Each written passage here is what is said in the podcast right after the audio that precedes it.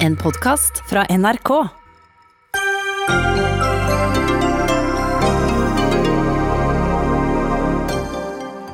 Først har de bekymret seg over manglende beredskap. Nå frykter ansatte på sykehusene at etterslepet med utsatte operasjoner blir for mye med dagens bemanning. Venstre er uenig med sin regjeringspartner om den nye etterretningsloven. Partileder Trine Skei Grande møter forsvarsministeren til debatt om en lov partiet har tatt dissens på, men til hvilken nytte da? Kvinner har mindre behov for sex enn menn, skrev Aftenpostens huspsykolog Frode Tuen. Det er det flere som reagerer på. Og det brygger opp til torskekrig mellom små og store fiskebåter på Finnmarkskysten. Hvem skal få fiske torsk der?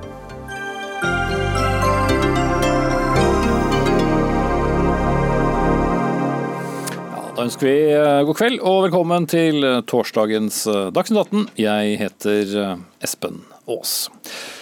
Flere har eh, kritisert eh, manglende beredskap ved norske sykehus nå under koronapandemien. Kritikere har bl.a. vist til at det har vært en nedbygging av antall sengeposter siden 80-tallet, og at antallet respiratorer har stått på stedet hvil i ti år. Og mange har ment at dette gir oss lite å gå på i en krisetid.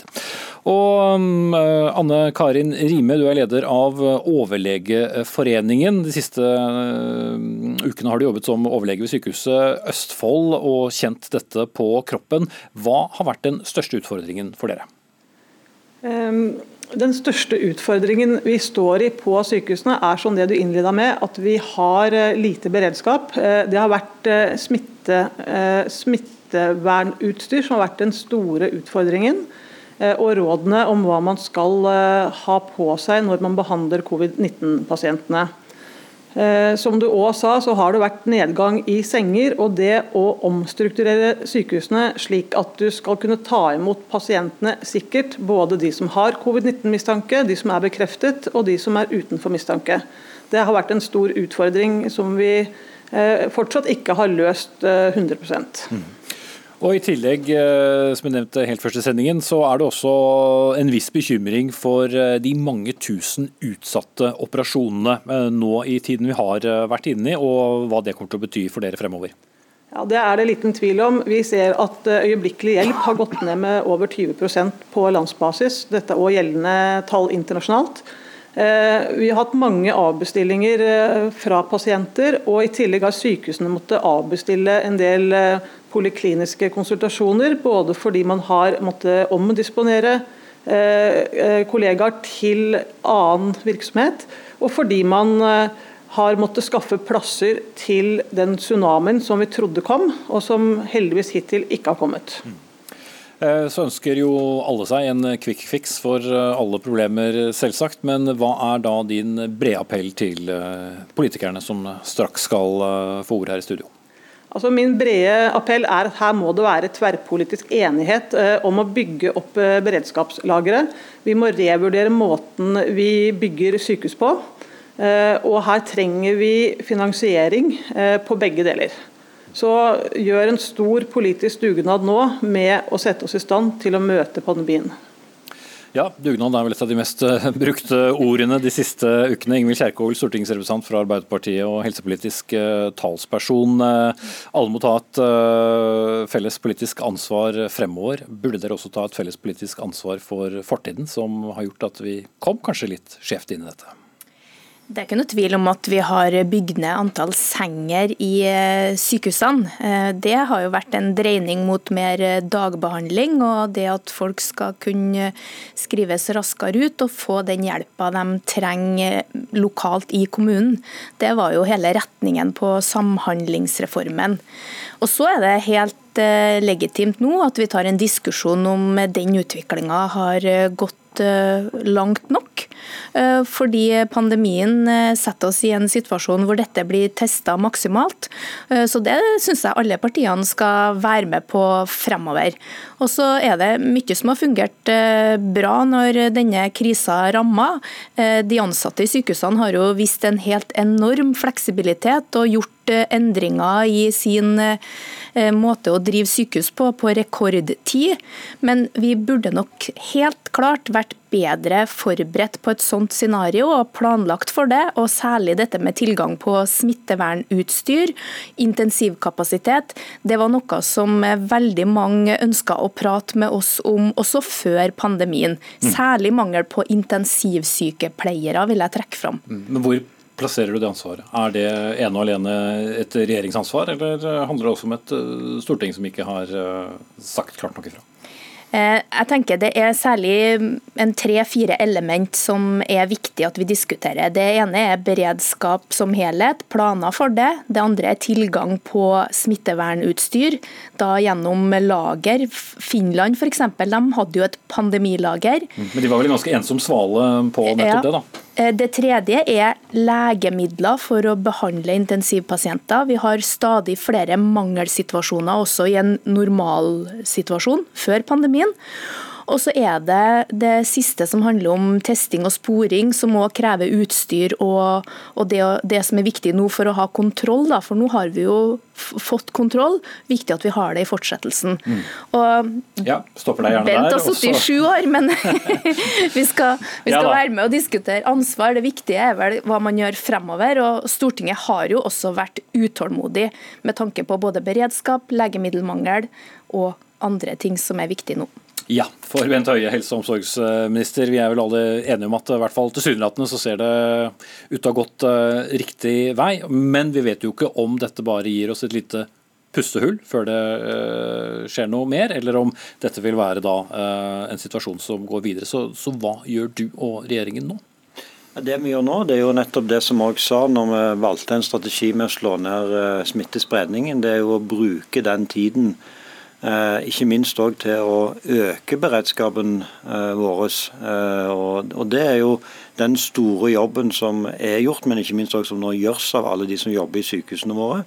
Og som krever veldig mye arbeid, men som òg øker beredskapen vår. F.eks. det at en nå trener kollegaer til å kunne jobbe side om side på intensivavdelinger for å kunne ha en større intensivkapasitet i en situasjon Eh, som vi ikke ønsker vi skal komme i, men som vi må ha beredskap for. Det er det flere som har behov for. Vi gjør nå en stor jobb med å eh, kjøpe inn eh, smittevernutstyr langt utover det som er vanlig, samtidig som vi bygger opp kapasitet til å produsere smittevernutstyr i Norge. Og Det samme gjør vi òg på, på legemidler. og Det var jo òg noe av det vi sa at vi skulle bruke denne tiden til, samtidig som vi òg bruker tiden til å få mer kunnskap, utvikle vaksine og utvikle behandling. og Der har jo også Norge ikke bare en viktig rolle for vårt egen del, men der er jo Norge ledende internasjonalt. Og har vært i forkant av dette. Det var Norge som tok eh, bl.a. initiativ til etableringen av CEPI, som nå er den internasjonale organisasjonen som utvikler vaksine. Eh, Norge har vært en pådriver for den tenkningen som også ligger nå i utviklingen av behandlingsmetoder, og leder det kliniske programmet i Verdens helseorganisasjon. Okay, men, men, så er det da, på toppen av alt det du sier som nå skal skje, så har vi da altså disse mange mange tusen eh, operasjonene som har vært eh, utsatt i i hvert fall eh, seks uker, og som skal komme på toppen av det. Er vi rustet nok til det? Det hørtes ikke ut som Rime var helt overbevist om det iallfall. Nei, som jeg har sagt, at eh, nå er vi jo i en situasjon der vi kan gå tilbake til en mer normal drift i sykehusene våre. Det betyr at at en del av de som har fått utsatt operasjoner og inngrep, nå vil bli innkalt. Men vi går ikke tilbake i en normal. Nei, Så etterslepet blir værende? Eh, fordi vi, ja, men Det kommer jo til å ta igjen noe av det, forhåpentligvis. Men vi er nødt til å være i en beredskapssituasjon framover. og Det kommer nok til å vare en tid. og Det betyr at eh, Eh, vi kommer ikke til å være tilbake igjen i normal aktivitet i sykehusene fordi, fordi vi er avhengig av å ha den beredskapen også videre. Så er det ulike årsaker til at disse operasjonene ble utsatt. Noen av dem ble utsatt fordi det var nødvendig for å øke beredskapen. Noen av dem ble utsatt fordi mange, en del steder fikk ansatte mistanke om smitte og derfor måtte i karantene. Og noen er blitt utsatt rett og slett fordi pasienten ikke tørde å komme på sykehus eller til fastlegen fordi de var redd for å bli smittet. Men etterslep eh, er det uansett. Men eh, det finnes heller vel ikke der noen eh, quick fix hos opposisjonen, Kjerkol? Nei, men jeg tror det er veldig viktig at vi utvider perspektivet nå. fordi at eh, målet eh, komme, når vi skal komme oss gjennom denne krisa, det må jo være at eh, det skjer med så lite helsetap som mulig. Eh, så få koronasmitta eller alvorlig syke som trenger intensivbehandling fra covid-19 pga. covid-19-viruset som mulig, men også at vi ikke kommer i en situasjon hvor vi påfører øvrige pasienter unødvendig helsetap. Så Det er jo fortsatt et formidabelt arbeid som mm. står foran eh, helsetjenesten. og Det må vi ikke underslå. Diagnosen er vi vel eh, alle enige ja. om, men behandlingen? Ja, og da tenker jeg også at Noe av det som vi får får eh, veldig mange meldinger om, det er at eh, mangelen på smittevernutstyr fortsatt er til stede. Det har kommet veldig mye utstyr som sykehusene har fått, kjøpt inn mye, som helseministeren sier. Men eh, kommunene er fortsatt bekymra for om de klarer å gjøre jobben sin med testing, sporing og beskyttelse av de sårbare som bor på institusjon, med deres tilgang til smittevernutstyr, som et eksempel. Jeg har sett deg intervjuet i flere medier i dag, Høie, hvor du sier at her vil det fortsatt være være en rasjonering? Ja, Det er rett og slett eh, det som vi kaller for rasjonering. rett og slett fordi at Vi er nødt til en veldig nøye gjennomtenkning av bruk av utstyr. og Selv om eh, Norge har lykkes med å få tak i mye utstyr, så er jeg veldig opptatt av å nettopp få fram det. fordi at når jeg sier at vi har fått tak i mye utstyr, så kan det oppleves for de som jobber i helsetjenesten. Men hvorfor kan vi ikke da få bruke det i det omfang som vi er vant til, eller i andre situasjoner enn det som er anbefalt? Og det er rett og slett fordi at selv om vi har fått tak i mer, så er dette en, fortsatt en, det er en utfordrende situasjon. Og vi har mangel på den type utstyr internasjonalt. og Det betyr at Norge er nødt til å ta vår del av en solidarisk bruk av dette utstyret. Vi kan ikke f.eks. bruke det i et større omfang enn det som er anbefalt av våre fagmyndigheter, og vi må være nøye på bruken. Og Det handler om både vår egen beredskap, men òg den internasjonale solidariteten på dette området. Og så eh, er det jo sånn at eh, Regjeringen har jo tatt initiativ til å samarbeide med Stortinget om å sette ned en undersøkelseskommisjon. Og Da skal vi jo gå gjennom alt, både hvor godt forberedt vi var på, hvordan vi håndterte det. For jeg er jo helt overbevist om at vi òg denne gangen kommer til å komme ut og si at det kunne vi ha gjort annerledes, det burde vi vært bedre på. Og det vil gi oss muligheten til å være enda bedre forberedt eh, neste gang. Selv om det var gjort mye på dette området i forkant. Eh, både når det gjaldt eh, tilgang til legemidler, når det gjaldt det å ha gode, oppdaterte pandemi, nasjonale pandemiplaner, lokale pandemiplaner osv., så, videre, så vil det være etter en sånn situasjon ting som vi lærer av. Og En av de tingene er bl.a. beredskapslagre for utstyr. og det er sånn Hvorfor havna vi i denne situasjonen? Jo, Kina, som er den store produsenten, de fikk smitten først. Ja, det betyr, ikke tid til å ta ja, hele den. Men Poenget mitt er å si at i dag virker dette som et helt logisk scenario å være forberedt på. Hadde det vært så logisk, så hadde det ikke bare vært Norge som ikke var forberedt på det. Da hadde jo de fleste land i verden vært forberedt på det. Men de fleste land i verden heller, var heller ikke forberedt på det. og det er sånn, Ofte er det sånn når vi kommer i kriser så, og står der, så tenker vi ja, men hvorfor i all verden hadde vi ikke tenkt på det. og Det er derfor det er så viktig at vi har de evalueringene som vi nå skal ha. Og Det betyr det helt, helt til slutt, eh, Anne Karin eh, Rime, at eh, dere som er på sykehusene, det blir nok dugnad en stund til? Det er våre jobber, og vi skal jobbe det vi orker. Et råd til Høie er jo Dette har vi sagt fra om i mange år. Når evalueringen kommer, så må dere ta oss med i evalueringen og ta oss med i videre planlegging fremover. Og Det er viktig at det gjøres tverrpolitisk, sånn at vi kommer en, eh, ikke kommer i en lignende situasjon. Dette er spådd til å kunne gjenta seg mellom 10 og 30 år, og neste gang bør vi være bedre rusta. Mm, den gikk til alle politikere. Takk til Anne Karin Rime, leder av Overlegeforeningen, helse- og omsorgsminister Bent Høie, og Ingvild Kjerkol, stortingsrepresentant fra Arbeiderpartiet. Dagsnytt 18 alle hverdager kl 18.00 på NRK P2 og NRK2.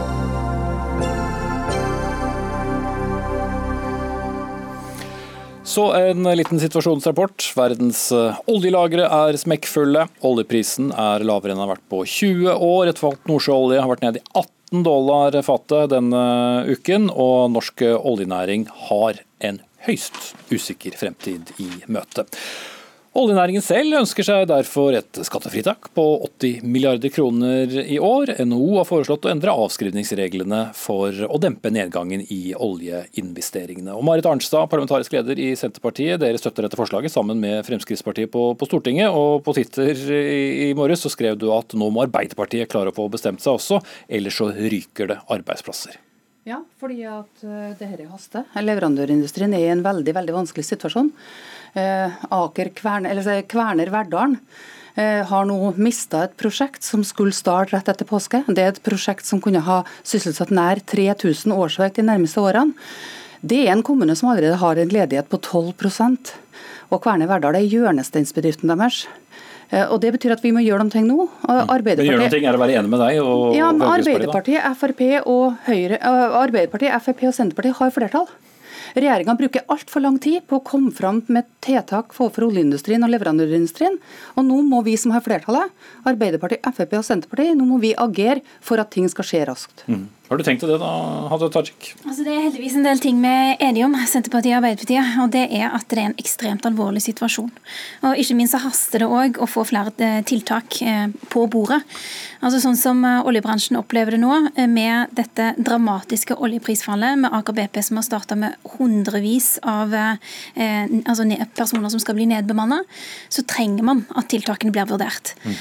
Og Det som har vært viktig for Arbeiderpartiet, det er at vi er villige til å ta i bruk alle virkemidler for å sikre olje-, gass- og leverandørindustrien. Men de må ha effekt. Så det er tre ting som vi da er opptatt av. Det er tre krav vi stiller. Det ene er at man må være sikker på at det skaper og sikrer jobber. Det må det. Det må være en betingelse. Så stoler du ikke helt på oljeindustriens egne anslag der? Det andre det er at det må sikre staten inntekter. Så det må alt i alt være lønnsomt for fellesskapet, for det er tross alt fellesskapet sine penger det her er snakk om. Og det tredje er at det må òg bidra til å kutte klimautslipp. Altså at man bruker muligheten til å gjøre eh, klimavennlige investeringer, forsere elektrifiseringsprosjekter f.eks. Men finner du et kinderegg eh, på kort tid? For det er vel det, tiden er ganske knapp? Det som er viktig for meg, er at man gjør dette på en seriøs og ansvarlig måte. Det er derfor Arbeiderpartiet har etterlyst tiltak fra regjeringen og vurderinger fra Finansdepartementet.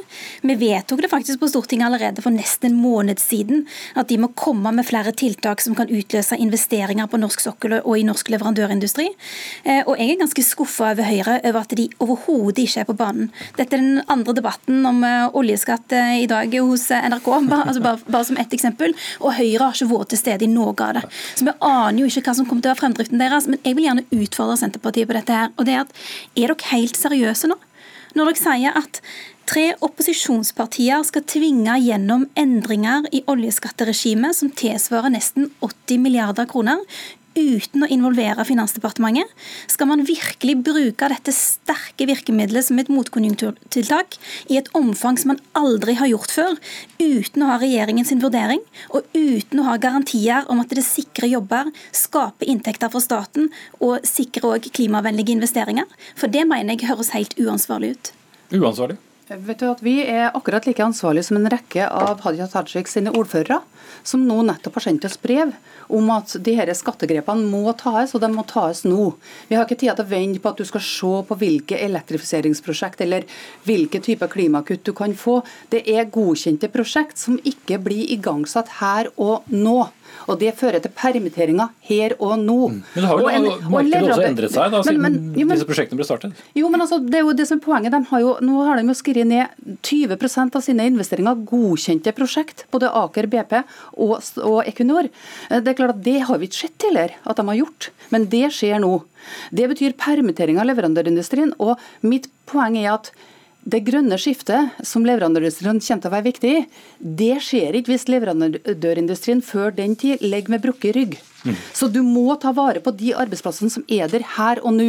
Og så sier ikke jeg at vi skal gjennomføre det, men jeg sier at vi, de tre partiene har flertall på Stortinget. Vi kan tvinge regjeringa til faktisk å agere.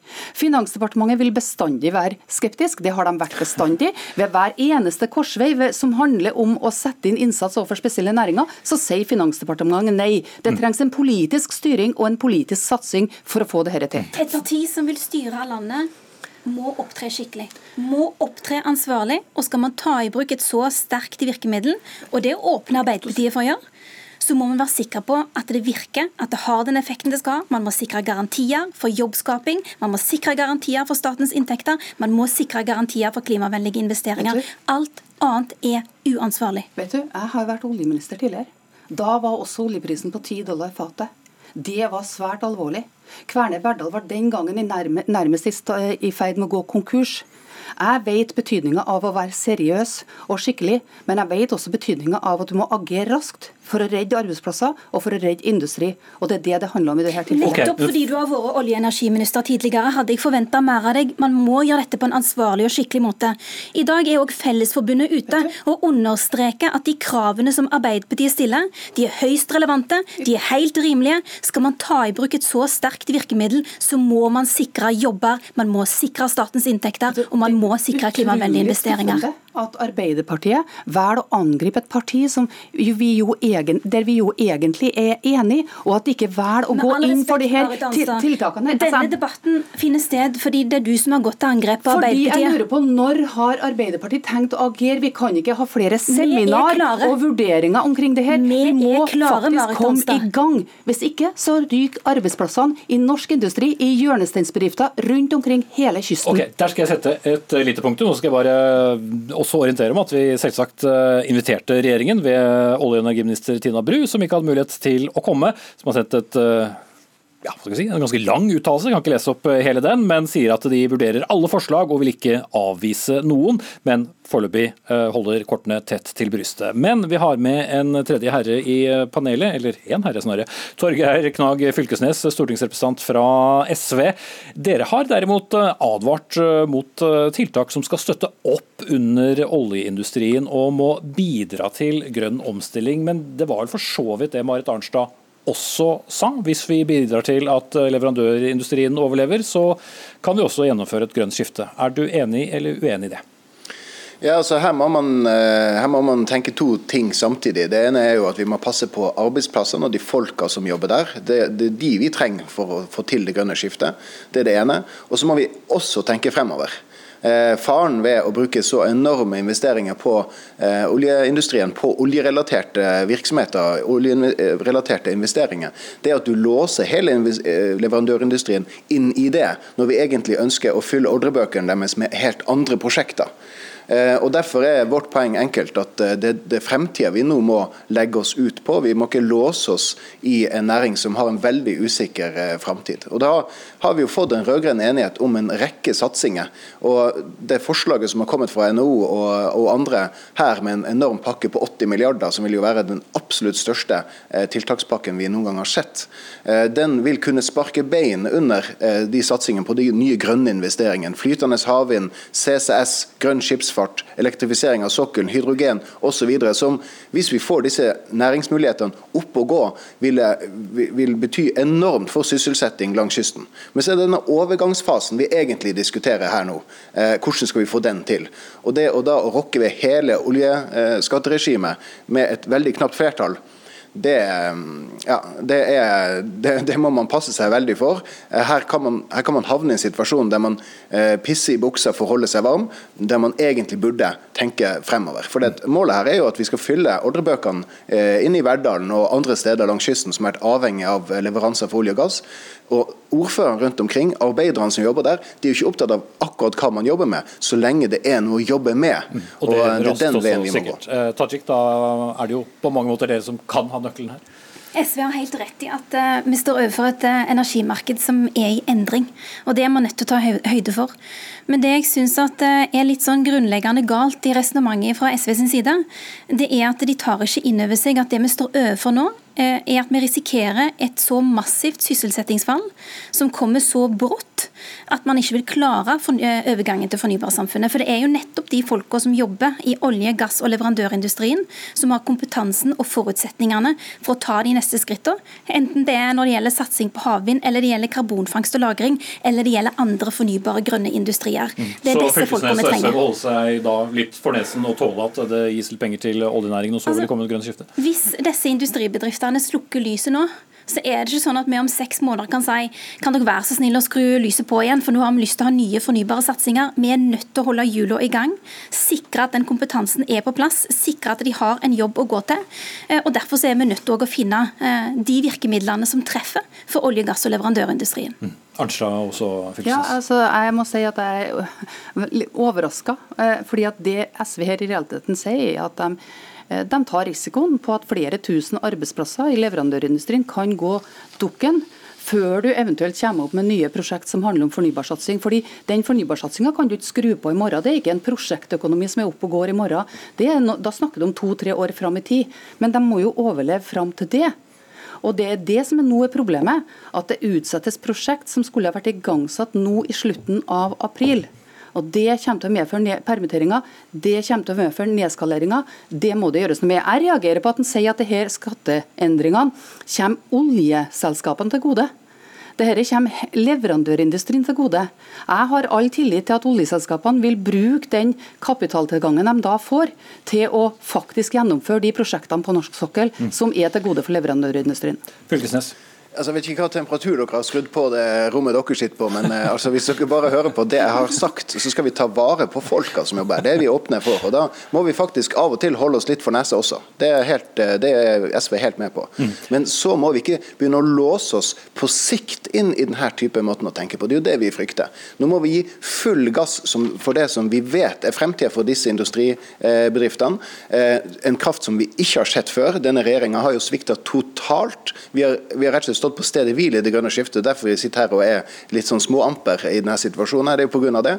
Eh, men vi må tenke fremover. Og da er det å gå, rett på hele oljeskatteregimet, det er det er, det er, en farlig strategi, som ikke bare er en kortsiktig strategi. Du må ha en plan for dette skiftet. her, og så vidt jeg ser, så har verken Senterpartiet eller Arbeiderpartiet lansert noen som helst plan for det. Det har SV, og det er det vi ønsker å, å bruke den tida fremover til å få gjennomført. også. Ok, Mye å snakke om. Jeg tror jeg setter eh, punktum der. Noe av det viktigste vil jo også være utviklingen i oljemarkedet fremover, og hva som vil være lønnsomt og ikke også, selvsagt. Torgeir Knag Fylkesnes, stortingsrepresentant fra SV, parlamentarisk leder i Senterpartiet Marit Arnstad, og stortingsrepresentant for Arbeiderpartiet Adia Tajik.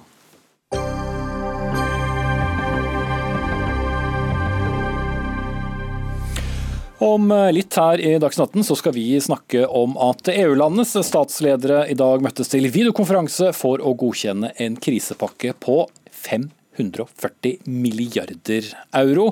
Samtidig så er ulmer det også en uenighet eh, medlemslandene imellom om eh, fremtiden. Men nå kan jeg med hånden på hjertet si at vi skal snakke om noe helt annet.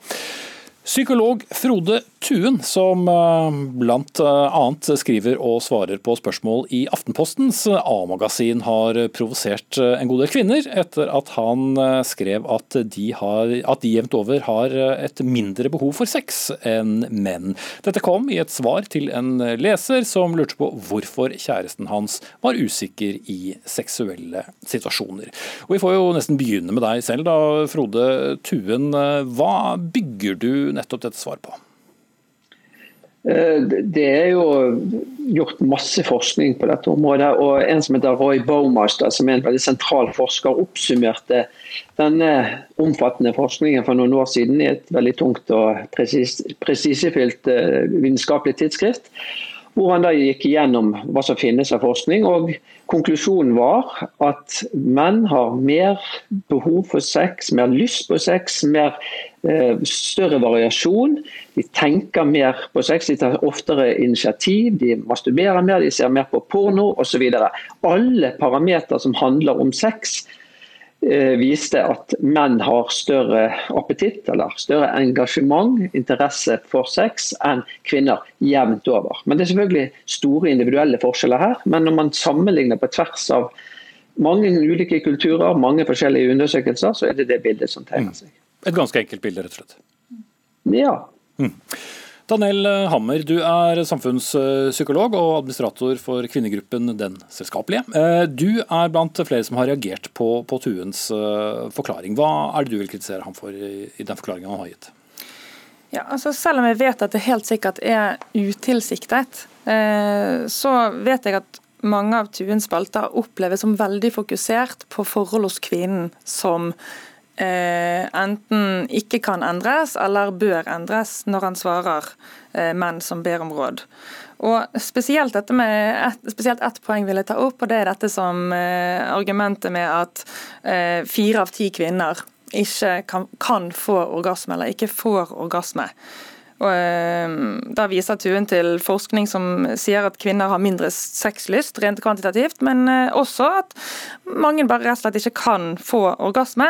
Og jeg synes Det er trist at han ikke kommer med et eneste konkret forslag til hva denne mannen som ber om råd, kan gjøre i sin relasjon for å, å bedre sexlivet for begge to, for begge parter. Mm. Mm. Så, så uh, for å forstå det rett, så, så, så ga ikke Tuen uh, et godt svar til en mann på, på, det spørsmålet? Nei, jeg tenker at mye av den forskningen som man viser til, eller Forskning kommer jo fra et sted, ikke sant? og den forskningen som han viser til, er i store trekk evolusjonspsykologisk forskning, som jo ofte konkluderer med at eh, menn har sex fordi at eh, menn vil spre genene sine, ikke sant? Eh, sånn som dyr gjør. Og kvinner har sex med menn fordi de tenker at den mannen kan ta vare på de resten av livet, og at kan han kan ta vare på barna de skal få. Så det er en, en, biologisk eh, forklaring? En litt mer instrumentell forklaring på sex.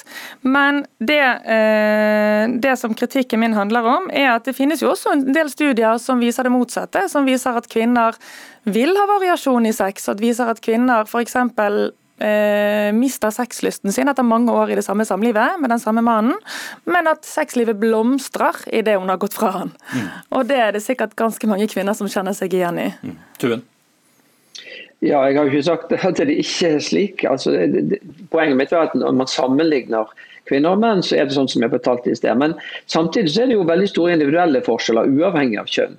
Eh, det er mange kvinner som har et stort eh, libido, stort behov for sex, og det er menn som er henimot uh, uh, aseksuell. Så her er det veldig store forskjeller. Og det er heller ikke riktig at jeg ikke skriver om hva man kan gjøre. I, i alle spaltene mine så er jeg relasjonell. Jeg er opptatt av samspillet mellom partene. Enten det er en kvinne og en mann, eller det er to av samme kjønn.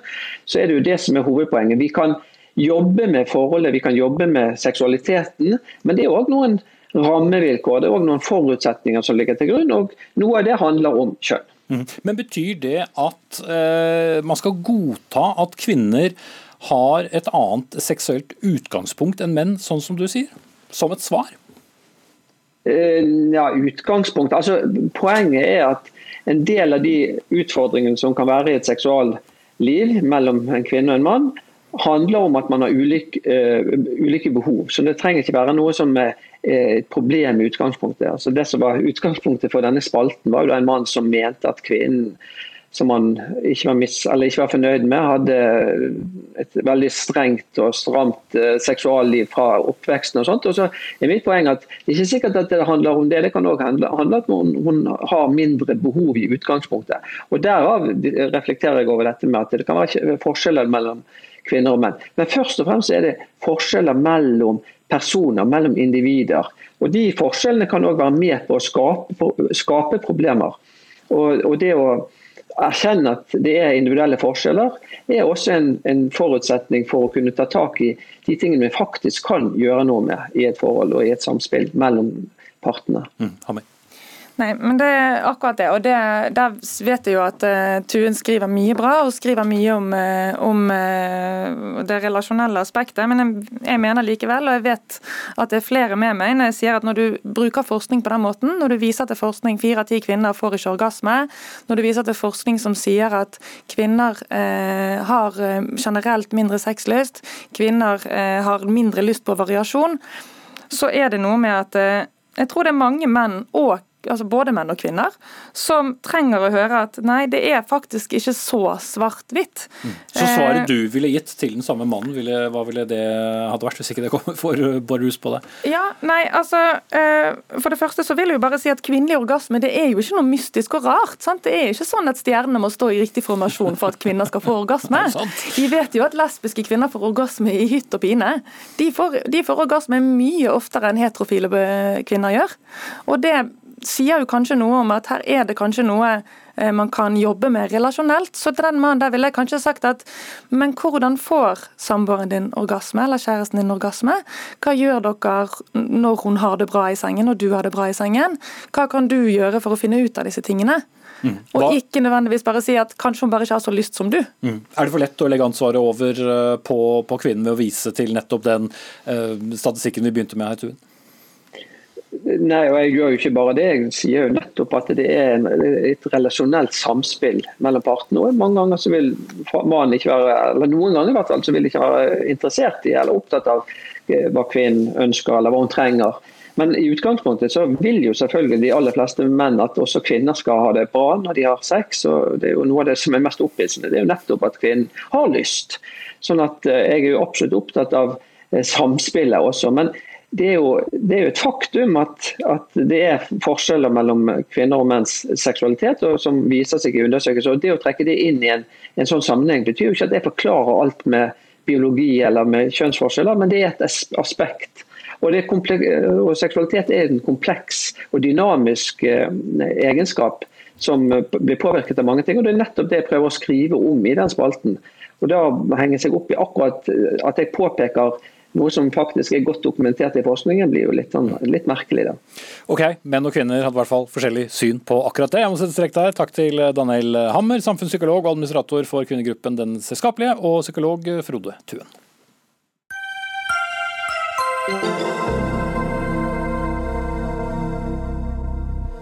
Da skal vi vende blikket utover, for eh, i dag har EUs eh, e ledere vært eh, samlet, og det til videokonferanse for å diskutere en krisepakke på 500 140 milliarder eh, euro.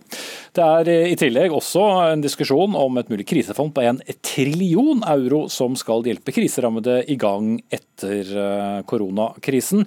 Men helt hvordan et slikt fond skal finansieres, er det høyst ulike meninger om. Og Philip Lote, vår europakorrespondent, du følger med på utviklingen på dette møtet. Hvor viktig er det å få en enighet om denne krisepakken nå? Det er viktig å komme nærmere en enighet. Så slo Angela Merkel allerede i dag tidlig klart fast at de ikke kommer til å bli enige i dag, men at dette er noe man skal jobbe med over tid. Eh, og Det er å få til en eh, byrdebelastning, altså en enighet om hvordan denne gjelden, da, som det reelt sett er, skal betales, som er den store utfordringen. Eh, finansministrene ble i forrige uke enige om å sette til side over 500 millioner euro. Så er EUs egne uh, beregninger eh, at det vil koste 1 trillion, som du sa, altså 1000 milliarder, mens eh, andre sier kanskje opptil 1,5 trillion, 1500 eh, milliarder. Og så er det da hvordan skal disse pengene brukes? Hvilke budsjett skal de inn i? Skal de inn i EUs langtidsbudsjett? Skal det være lån som hvert enkelt land som bruker disse pengene må betale tilbake? Skal EU garantere for hele beløpet? Hvem skal stå ansvarlig? Så dette her er jo viktig interessepolitikk, men det de er enighet enige om, er jo at de landene som er hardest rammet, uansett hva slags ordning man eh, kommer frem til, skal få tilgang til disse pengene på en rimeligst mulig måte. Men eh, mange mener jo at hvis du låner penger, så må du betale tilbake. Og Spania og Italia har jo da argumentert for at man skal kunne få noe som rene overføringer, i og med at de selv sier de ikke er skyld i at de er rammet av koronaviruset. Mm. Så en viss dissens mellom sør og nord i Europa i det spørsmålet? Ja, Det var en veldig stor dissens til å begynne med, uenighet. Eh, og så har den blitt noe mindre, godt hjulpet av at Angela Merkel eh, for noen dager siden sa at man kunne bruke den såkalte solidaritetsmekanismen for å hente penger fra ulike fond, eh, og bruke disse enten i, dag, i form av veldig billige lån, eller som Spania og Italia ønsker, overføringer. Og Dette med solidaritetsmekanismen er jo viktig, for da Italia første gang ba om solidaritet aktivitet, altså utløste denne mekanismen på egen hånd, så var det ingen som svarte. Så for EU så gjelder det å vise at denne mekanismen faktisk virker, og at man stiller opp for hverandre.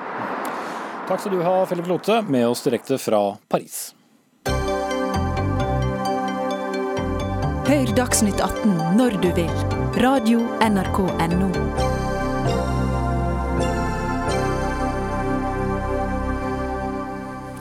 Da skal vi snakke om uenigheten innad i regjeringen rundt den nye etterretningsloven. En lov der regjeringen ønsker å la Etterretningstjenesten fange opp og lagre data som krysser Norges grenser i 18 måneder. Og det betyr også at norske borgeres vanlige kommunikasjon som bruk av sosiale medier og søk på internett vil bli registrert.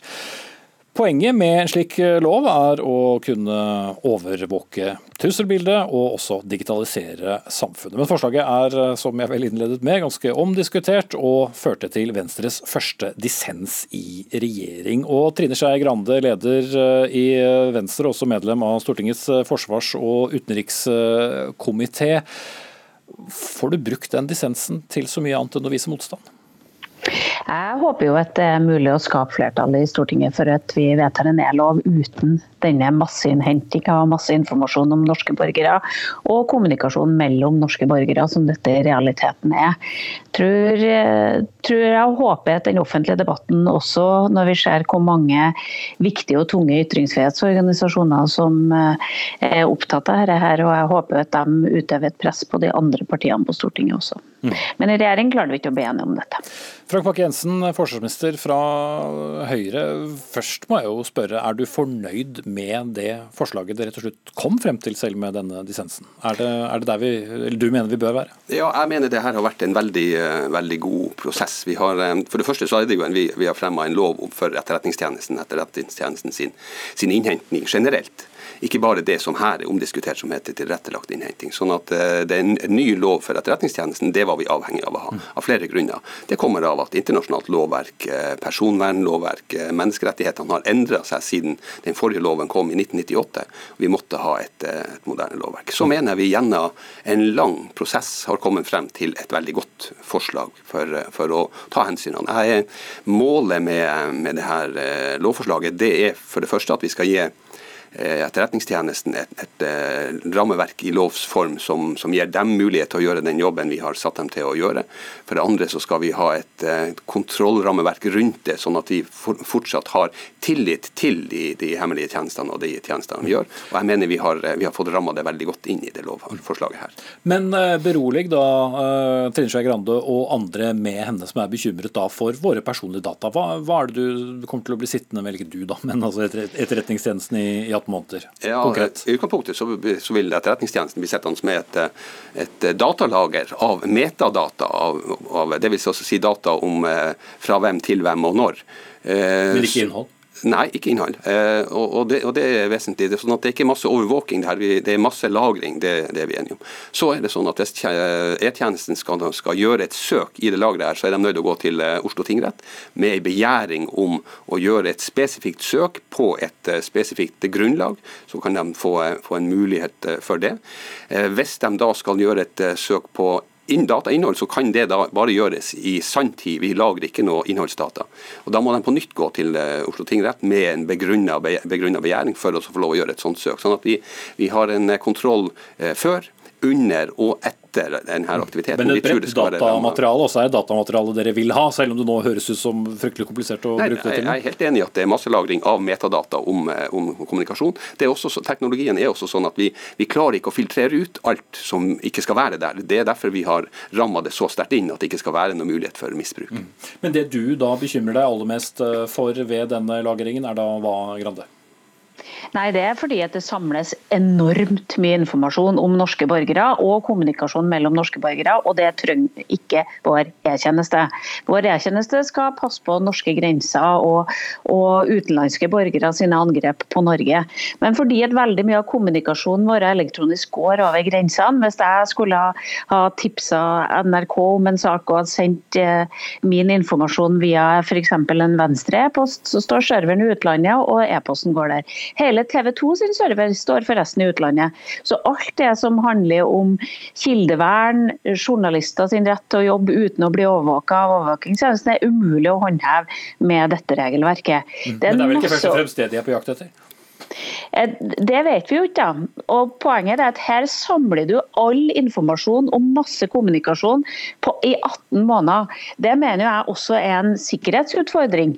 For det betyr at det, det samlinga som ligger der, også kan bli utsatt for, eh, for, angrep også fra andre land, med all den informasjonen som vi velger å samle om norske borgere. Og I tillegg så er det sånn at veldig mye mer av kommunikasjonen vår går via disse eh, disse appene og via annen type kommunikasjon. Jeg tipper at mange i framtida kommer til å ha et kjøleskap, en strømmåler, en badevekt, som alt sammen går på dette. Og det, å bare, det kan høres tilforlatelig ut å samle metadata og sette et vanskelig ord på det, men egentlig så samler du en masse informasjon om privatlivet til norske borgere som ikke bør samles, og som ikke bør lagres på en server på vegne av norsk e-tjeneste. Mm. Det, det er et veldig viktig sånn prinsipp for, uh, for, personvern at den type lagring ikke er, er bra for personvernet til norske borgere. Og det løser ikke problemet heller. Yes.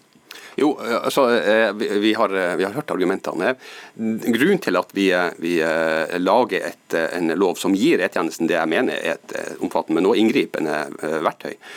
Men grunnen til at vi rammer det sånn inn, det er at det her er et forsvar vi trenger for oss å forsvare oss mot trusler fra, fra utlandet. Så er teknologien innretta sånn at vi, vi, ikke får det helt presis sånn som vi kunne. Vi skulle ønske at all kommunikasjon mellom nordmenn i Norge kunne bare siles bort, så hadde det, det problemet ikke vært der lenger. Det er ikke mulig.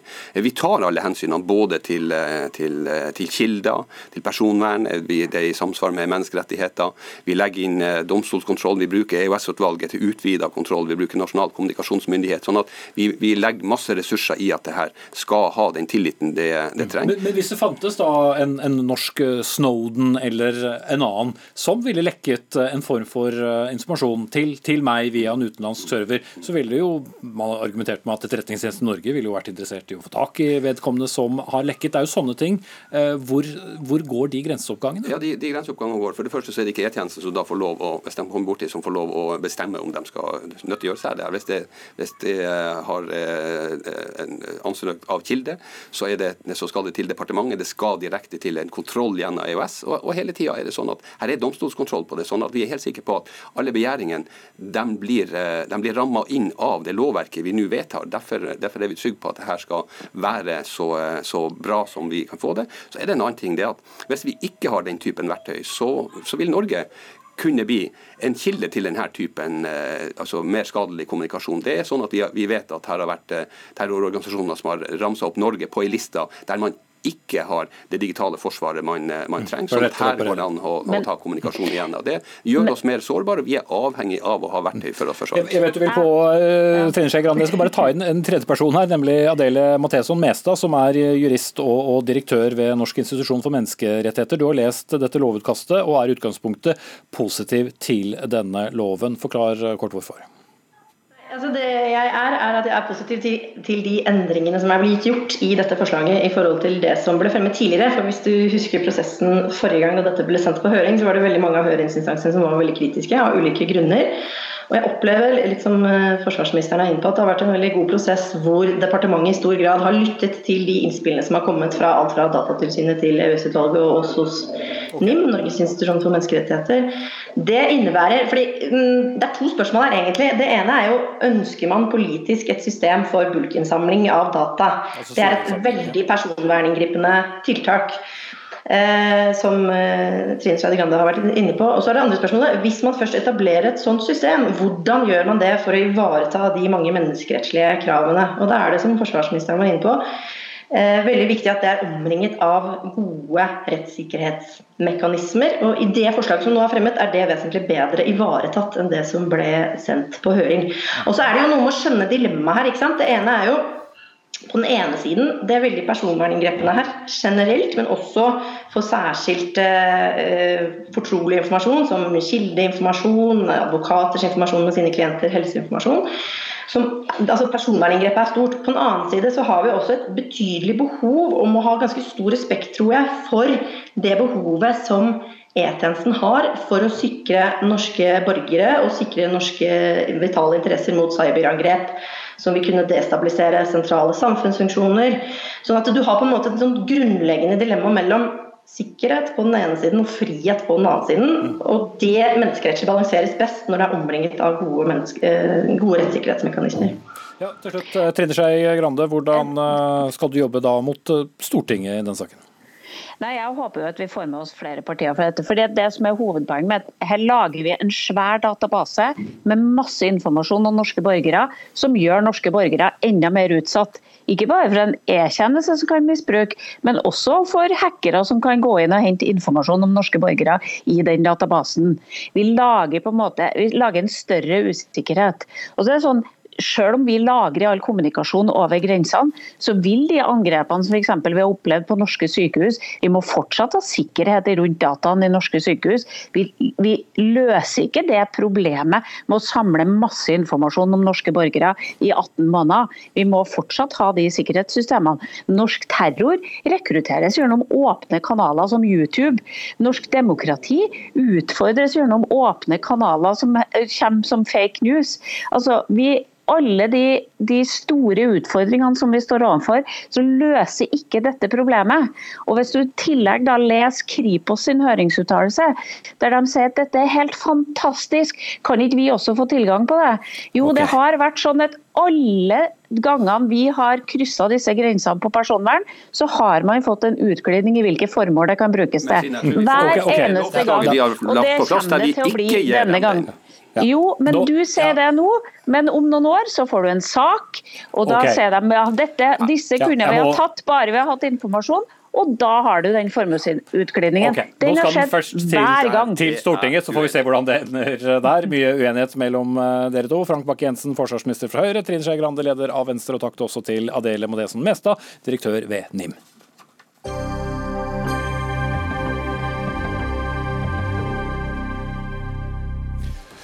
Da skal vi til uh, havs og litt grunnleggende opplysninger uh, fra programleder først, uh, til de som ikke kjenner til det. Vi har tre ulike fiskefartøyer her til lands. Båter under 11 meter, som vi kjenner som sjarker. Havgående fartøy som fisker med line og garn, og de største fartøyene som jo er trålere. Trålere de får ikke fiske nær kysten, men det får sjarker og båter i det som er da den havgående flåten. Men mellom nettopp disse to, så har det nå den siste tiden oppstått en konflikt. For sjarkfiskerne på kysten fortviler over over at båter som er bygget for å fiske ute på det store, åpne havet, fisker i samme områder som dem selv. Og nå vil Kystfiskarlaget at regjeringen forbyr fartøy over 21 meter fra å fiske torsk i området nært eh, kystlinjen. Og Arne Pedersen, leder i Norsk eh, Kystfiskarlag, hvorfor har dette blitt eh, en så stor problemstilling nå? Nei, Det er jo en vedvarende konflikt det her. Og, og det er jo fordi at havfiskebåtene langt over 30, 20 og 30 40 meter nå har inntatt fiskeplassene helt inne ved land der hvor kystflåten har sine fiskeplasser. Det er jo det ene. Og det andre er at uh, den lokale fiskestammen med kysttorsk er sterkt trua. Og, det er derfor, og den er derfor rødlista. Det er derfor innført et kysttorskvann. Så her, det her fisket pågår jo i kysttorsken og skreiens gyteområde og i strid med Norges forpliktelser om å lage et troverdig plan for å bygge opp igjen kysttorsk. Det er altså to ting vi har fremført som et ankepunkt. Det ene er den konflikten som bare kommer til å øke etter hvert som du flytter kvoter fra sjarkflåten oppover til, til havfiskeflåten. En båt over 28 meter er en havfiskebåt. Mm. Så er for store båter sånn et land? Ja, ja, de er, jo, de er jo nærmere land enn det sjarker på, på 9-10 meter å fiske. Mm. Eh, Audun eh, Marok, du er administrerende direktør i Fiskebåt, altså interesse- og arbeidsgiverorganisasjonen for da denne havgående flåten. Hvorfor fisker så store båter nær kysten, og da kommer i konflikt med, med, med små og mindre båter? Dette er jo fartøy som i mange tiår har fiska mellom fjordlinjene og fire nautiske mil. Eh, og som har fiska i en fin eh, sameksistens med den øvrige kystnære flåten. I det, hele, i, det, i, det, I det, hele, så er det veldig få konflikter mellom kystfartøy og havfiskeflåten. for Det er et godt samarbeid. Eh, leve og la leve, det er holdninga hos de fleste fiskerne.